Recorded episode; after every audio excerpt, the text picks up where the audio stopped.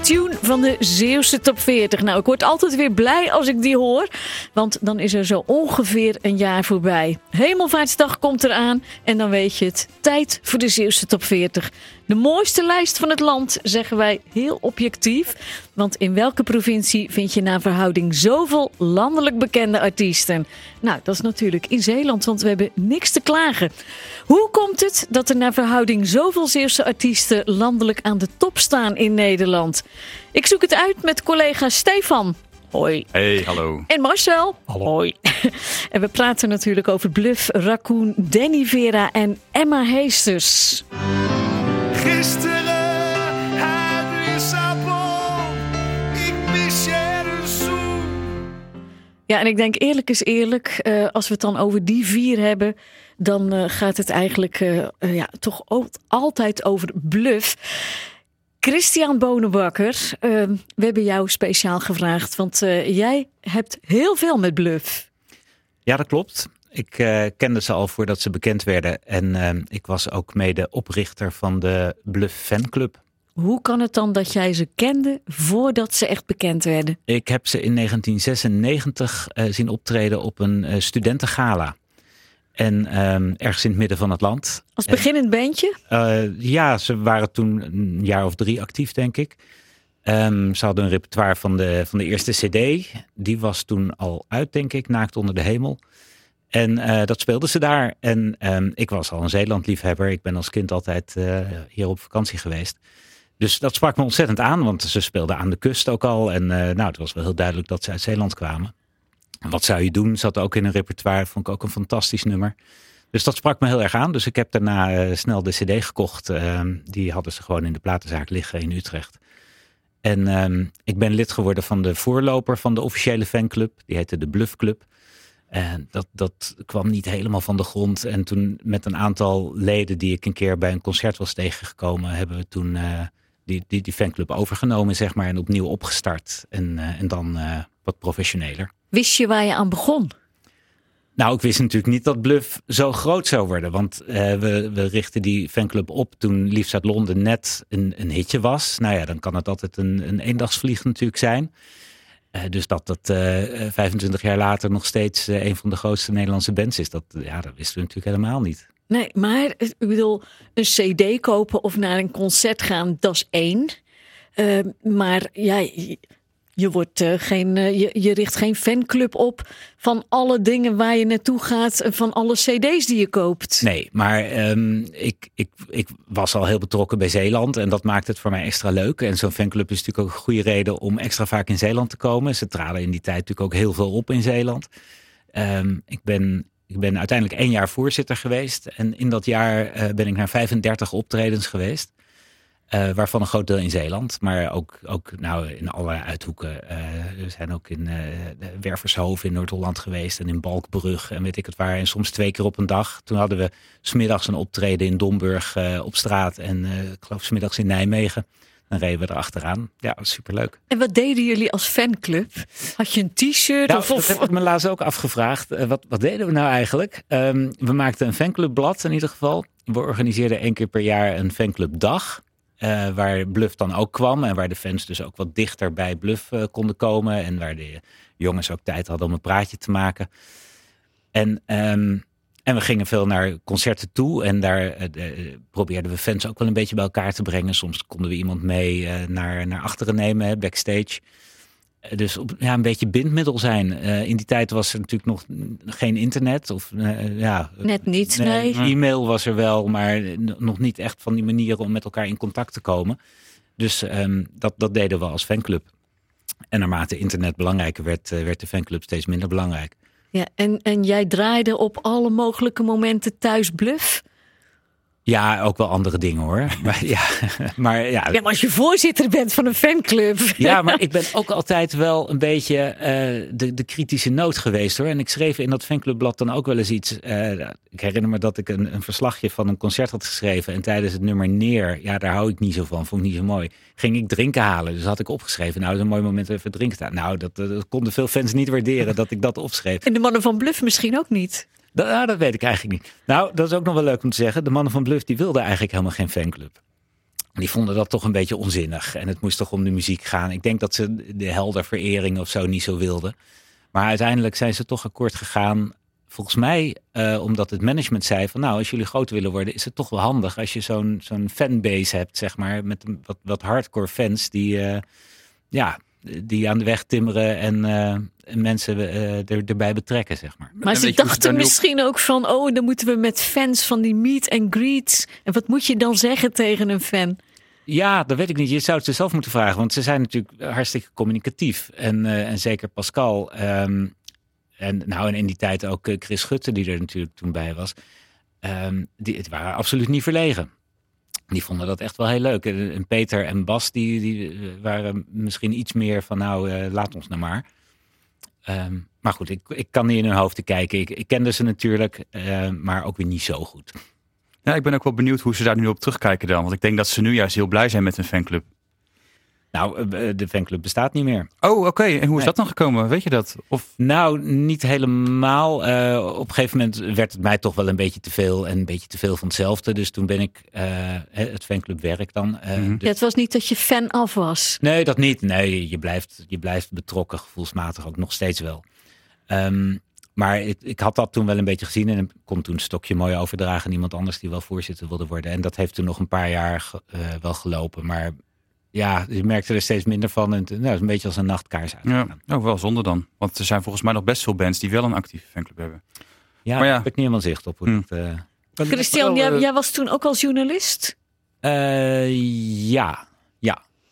Want eh, omdat je zegt van ik schreef ook in dat blad. Ja, nee, schrijven dat deed ik sowieso. al. Ik, ik werkte toen, eh, ik maakte personeelsbladen in die tijd. En ik, eh, later ben ik bij de NOS gaan werken. En, eh, En hoe beleefde je die successen? Want je, ja, je stapt wel een goede periode in. Of tenminste, eh, je, je hebt het opgezet. Maar ehm nou, Liefst uit Londen kwam al snel aan de kust volgens mij. Wat Ja. zou je doen?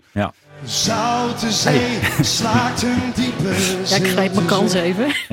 Ja, jij hoorde ze natuurlijk al eh, eerder bij de optredens. Maar toen Ja. waren dat ook echt landelijke successen. Ehm, Hou je dan ook de, de, de top 40 bij om te kijken op welke posities ze staan? Of hoe, hoe ging dat toen? Ehm, ja, dat hield ik wel bij. En ja, ik, ik vond het eh, heel grappig eigenlijk dat eh, zeg maar de, de nummers die ik dus op dat gala in 1996 al hoorde, dat die toen alsnog een hit werden.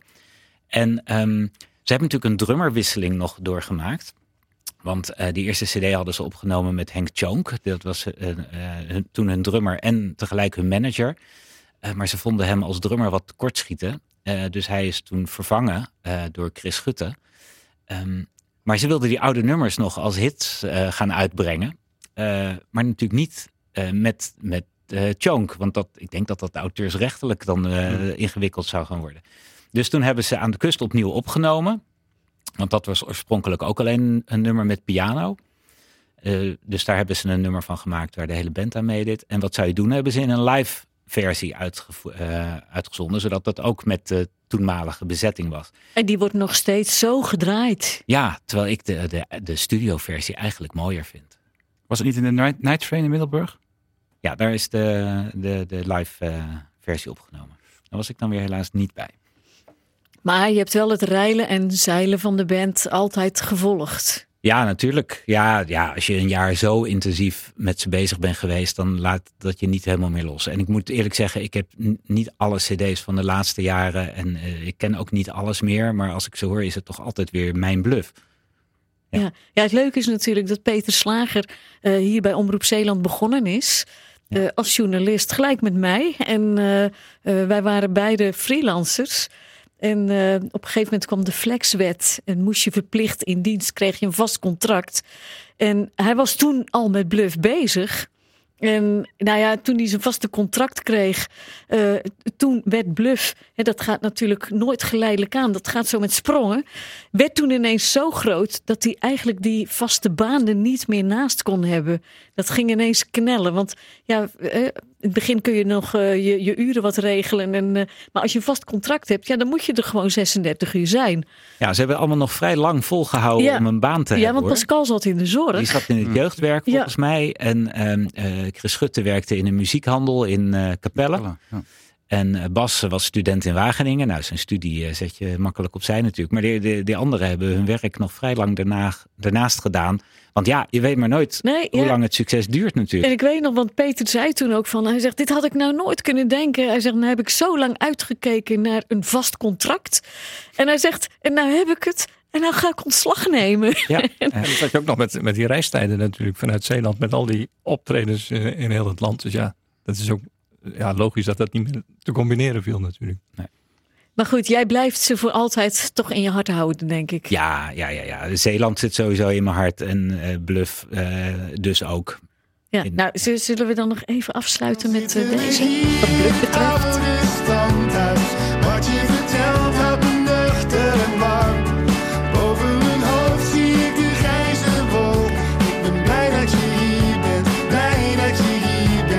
Ja, misschien niet eh, het nummer van Bluff eh, dat jij ooit opzet. Oh jawel. Ehm, eh, ik vind deze heel leuk. Ook omdat hij natuurlijk expliciet eh, over Zeeland ook gaat. Eh, ja, nee. Dat, eh, en, en deze cd waar die vanaf komt vind ik ook erg goed. Ja, ja. Ja. ja, Dat is echt een bijzonder verhaal. Want eh, er zijn ook een heleboel mensen die willen pas ergens bij horen. En zich eh, tot fan verklaren als het echt al groot is, hè, een band. Maar jij was er dus al heel vroeg bij. Nou, dat zijn de echte fans. Ja, dat, dat heb ik ook altijd gezegd. Maar dat maakt het ook extra leuk dat je het gevoel hebt dat je het een beetje ontdekt hebt. Ja. Nou, Christian, dank je wel. Graag gedaan. En eh, ja, goed, eh, dit was dan bluff. Want ja, we moeten het een beetje eerlijk verdelen. Want in feite zouden we zo een half uur eh, vol kunnen praten met bluff. Maar er zijn er nog meer. Ehm, we hebben Raccoon, Danny Vera, Emma Heesters. Hebben jullie een voorkeur van volgorde? Of moet het gewoon in chronologie? Dat, we dus nu over Raccoon nog iets gaan zeggen. Ja, dat is wel logisch volgens mij, toch? Want dat- na Bluff kwam wel het succes van Raccoon. Oh ja, dan moet ik eigenlijk, eigenlijk beginnen met Feel Like Flying. Eh, laat ik die nou net niet zo voor de pak hebben, maar wel deze. You look like you did before, only prettier. Every day I love you more. I love you more. Ja, Raccoon. Ook, ook eh, zo'n band met, met een geschiedenis, hè? Inderdaad, want je noemde Feel Like Flying. Maar dat was eigenlijk eh, de, de eerste periode van het succes. En daarna werden ze na twee albums eh, aan de kant gezet door de platenmaatschappij. Maar met dit nummer richten ze zich weer op. Het muzikaal verklankte Luck door Ed Emergo. Gewoon is dit. Van, van Raccoon. Ja, wel knap hoor. En het heeft, heeft er ook wel een beetje voor gezorgd dat Feel Like Flying helemaal, eh, eh, nou ja, weggevaagd wil ik niet zeggen. Want als ik het hoor vind ik het nog steeds een fantastisch nummer. Maar volgens mij denkt niemand meer bij Raccoon aan Feel Like Flying. Nee, maar dat komt misschien ook door hun eh, Ja, dat hebben ze zelf Nederlandstalige nummers van de afgelopen tijd, hè? Ja. Ja. Maar ik, ja, ze hebben zichzelf ook steeds weer opnieuw uitgevonden. Want Love You More kwam daarna Feel Like Flying. Toen was het voor mijn gevoel ook wel een beetje stil. Maar toen kwam dat album, eh, is dat Liverpool Rain? Met, Rain. met No Mercy bijvoorbeeld. Van de, de Abbey Road eh Ja, Toen, ja, toen hadden ze weer, eh, weer succes. Ik heb het slecht voorbereid, hoor. Want eh, ik zit alles door elkaar. Maar goed, om maar even wat te noemen.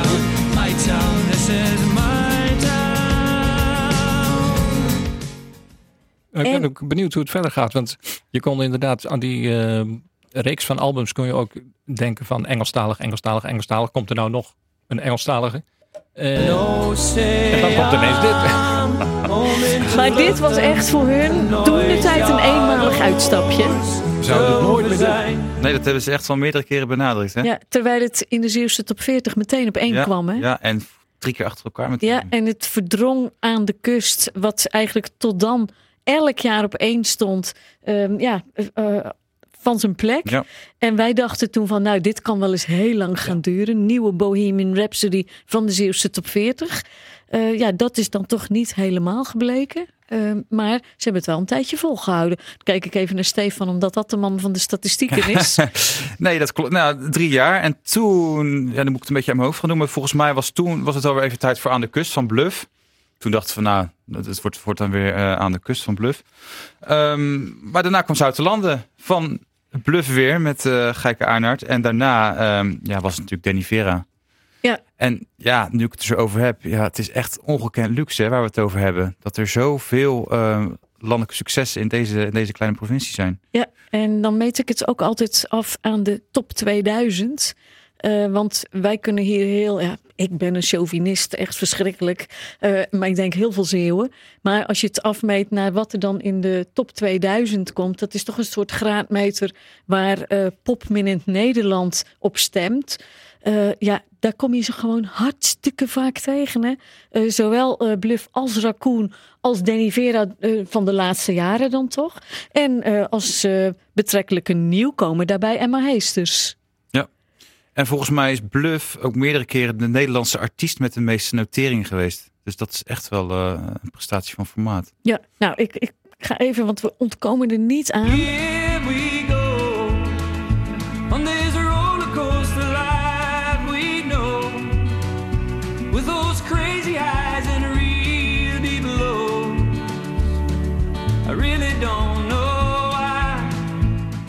Nou, dat eh, heeft niks met chronologie meer te maken. Maar ik denk, dit is gewoon eh, ja, hetgeen wat Danny Vera eh, op een enorm voetstuk geplaatst heeft. Want ehm, omdat het een Zeeuw is, kennen wij hem hier natuurlijk al. Ja, nou Marcel, wat was het allereerste stapje Ja. dat hij hier binnen zette? Nog, eh, toen, toen hij in maakte. Turkije een hit had? Ja, daarvoor nog. toen daarvoor nog? band Till Dawn, als ik het wel heb.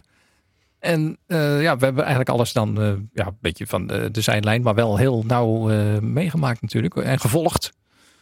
En ja, met die, met die rollercoaster, dan kun je je ook afvragen, ja, hoe komt het dat het dan pas twintig jaar later, terwijl hij dus op al die jaren op datzelfde niveau muziek heeft gemaakt. Ja, er zat dan- misschien wel eens een iets minder nummer tussen, maar eigenlijk oh, in grote lijnen. Ik heb hier Heading for the City.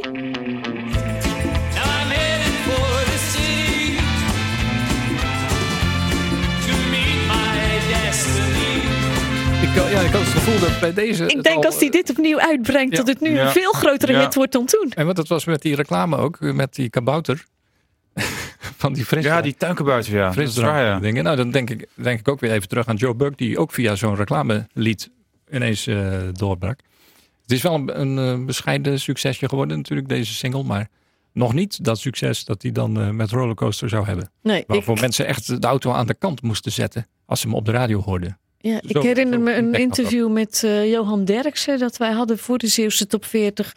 Van, nou, het is al zo lang geleden dat hij nog met zijn sigaar achter zijn bureau zat van het eh, tijdschrift Voetbal International. Dus dat is ook al heel wat jaren geleden. Eh, toen ja, zei hij al van, ik geloof in Danny Vera. En ja, hij had bij Rijnmond, de omroep, had hij al jaren een programma waar hij dat soort muziek ook draaide. En eh, eh, ja, uiteindelijk heeft hij er natuurlijk voor gezorgd dat Danny met zijn band eh, ook op tv kwam. Maar dat was niet meteen de start van het grote Nee. succes. Nee, eigenlijk eh, is Johan Derksen een soort eh, Christi- wat Christian Bonenbakker voor Bluff eh, was. Hè? Dat hij al heel snel Ja. de, de fanclub was. En eh, nou ja, uiteindelijk heeft, heeft die bekendheid van die eh, wekelijkse optredens heeft er natuurlijk wel, ja, heeft natuurlijk wel de basis eh, gelegd, denk ik. Ja, en later heeft hij ook nog wel iets aan Rob Stenders gehad, denk ik. Want die, ehm, die was al snel onder de indruk van Rollercoaster. En die besteedde ook steeds in zijn programma op Radio 2 aandacht aan. En dat heeft hem ook weer verder geholpen. Dus ik denk dat hij in zijn carrière ehm, heel hard gewerkt, eh, een jaar of 15. En toen ook echt in contact kwam met de juiste mensen die hem eh, weer, eh, weer verder hebben geholpen. Ja, in het begin Terwijl die muziek gewoon fantastisch goed bleef natuurlijk. Ehm, hij heeft ook jaren gewoon thuis cd'tjes zitten verpakken die ze dan naar mensen stuurden. Ja. Nou, ik kan me niet voorstellen dat hij dat nu nog kan doen, dat hij daar de tijd nog voor heeft. Eh, ja, coronatijd was natuurlijk wel, maar dat was voor iedereen een, een tijd die ineens heel anders was. Eh, hij ging gewoon door met muziek maken. Maar volgens mij, ja, ik heb er nog een paar zomaar fragmentjes. Die zijn dan weer van daarvoor. You have to sharpen the edges, smoothen Is dit van voor corona? Net niets. Then you'll find what you're looking for, appearing like a falling star. rond rond coronatijd, denk ik. dirt, let it show. Dus daar heb ik eh, twee versies van. Hè? Een van de. New Black and White. En later is er een soort single versie een beetje opgepimpt. Oh ja, maar ik vond deze leuker. Dit, dit vond ik een leuke. En dan heb ik nog Snow in April, ook heel snow leuk. And a mom goes off somewhere. I hear a mother scream for her children. Cause one guy didn't care. Het is een beetje de crooner muziek, hè? Lekker eigenzinnig. Gewoon doen wat je op dat moment eh, wilt doen.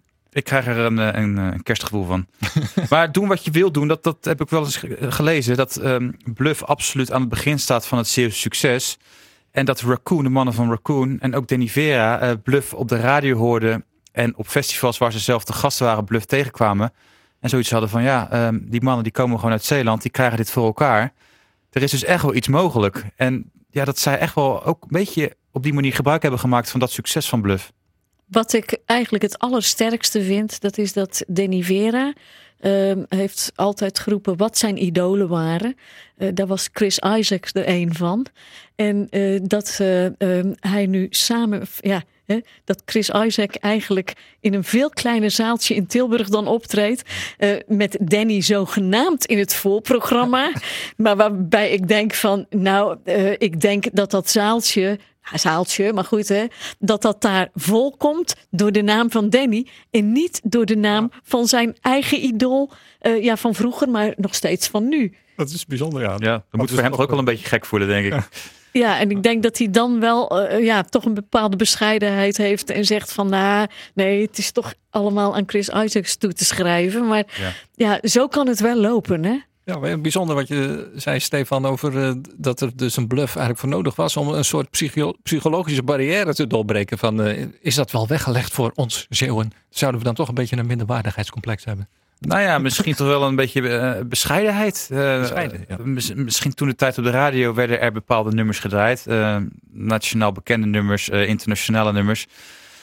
En op dat moment weinig Zeeuwse nummers. En dat, dat bij Zeeuwse muzikanten toen in één keer het kwartje viel misschien. Van, Zo eh, kan het ook. Hey, ja. Ja, nou heb je natuurlijk gewoon in de loop van de muziekgeschiedenis eh, is Den Haag bijvoorbeeld een plaats geweest Ja. eh, waar, waar op een bepaald moment heel veel vandaan kwam.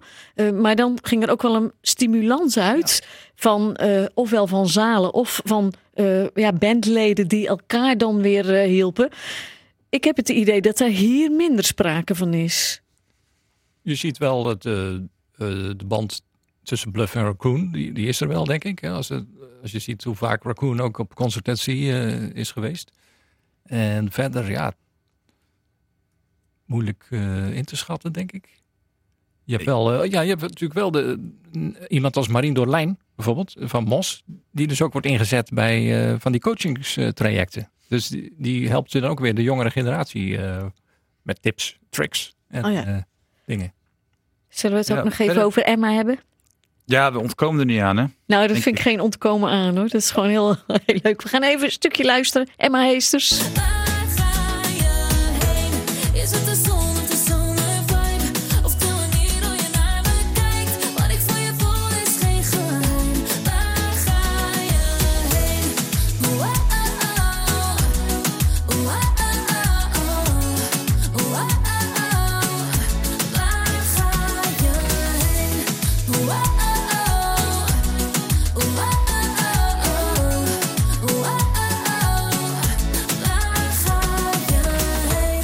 Emma is natuurlijk een heel ander verhaal. Niet te vergelijken met eh, de twee bands en Danny waar we het net over hadden.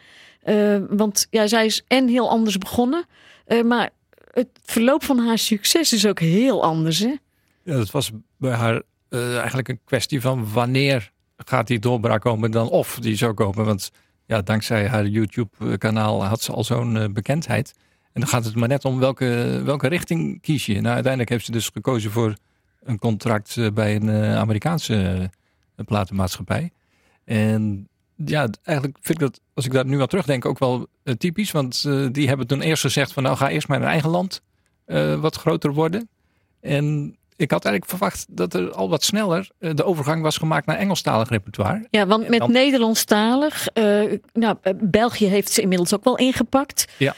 Maar daar houdt het qua taal natuurlijk wel op. Ja, en, en ze heeft met die covers op haar YouTube-kanaal... heeft ze gewoon bewezen dat ze heel veel serieus repertoire in het Engels heel goed aan kan. En niet alleen in het Engels. Ja, Want ze- is in dat ook festival in India geweest. En Ja. dan doet ze het gewoon in de landstaal. En, Speciaal eh, ook voor de fans in Maleisië. Heeft Ja. ook een keer, eh, Indonesië heeft een keer. eh, Het is een soort een jonge vrouwelijke ironie. Ja, en dan dat ze zei ook, want dat deed ze ook met de Spaanstalige nummers. Nou, ze zegt, dan schrijf ik het gewoon fonetisch op.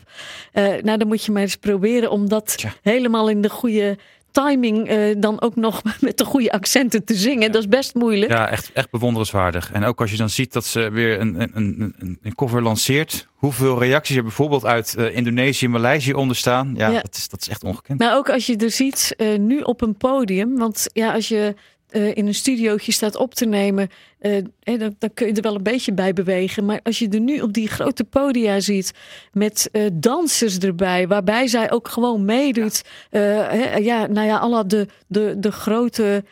ja, nou ja, acts noem ze maar op. Mhm. Ehm, dat vergt natuurlijk veel meer dan alleen zingen. En vooral ook dat je conditie moet hebben om met al die danspasjes toch nog zonder hijgen goed te blijven Ja. zingen. En dan denk ik van, nou ja, eh, misschien is dat dan wel de verdienste van die Amerikaanse eh, producers, platenmaatschappij, die gewoon zei van, doe het eerst maar eens in eigen land.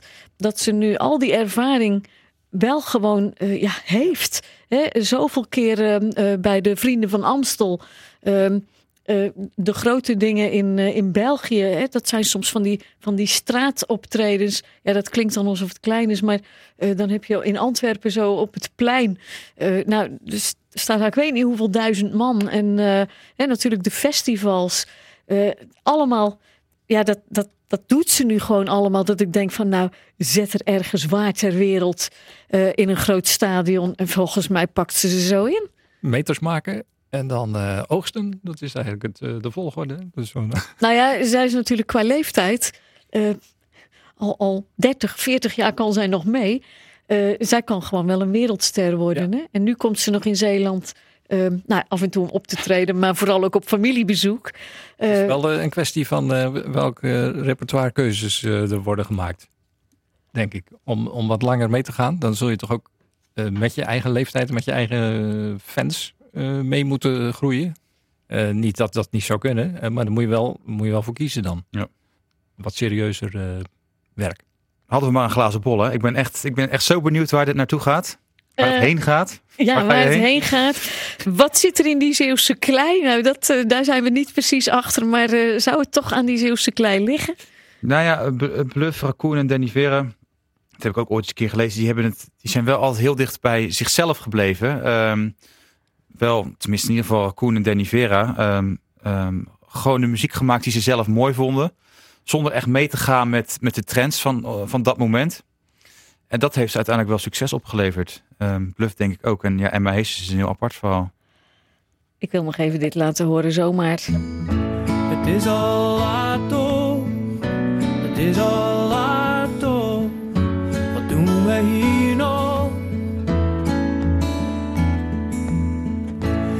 is al laat toch, het is al laat toch. Wil jij je pino? Kom dan gaan we naar mijn huis. Dat wordt zo'n lied als afsluiting, eh, wat ze als slotlied in een café draaien. Maar het is ook voor ons het slot. Want wie wordt de nieuwe bluff? Raccoon, Danny Vera of Emma Heesters? En is er een Zeeuws talent dat we over een tijdje in één adem noemen met die artiesten? Nou, daar hebben we het de volgende keer over.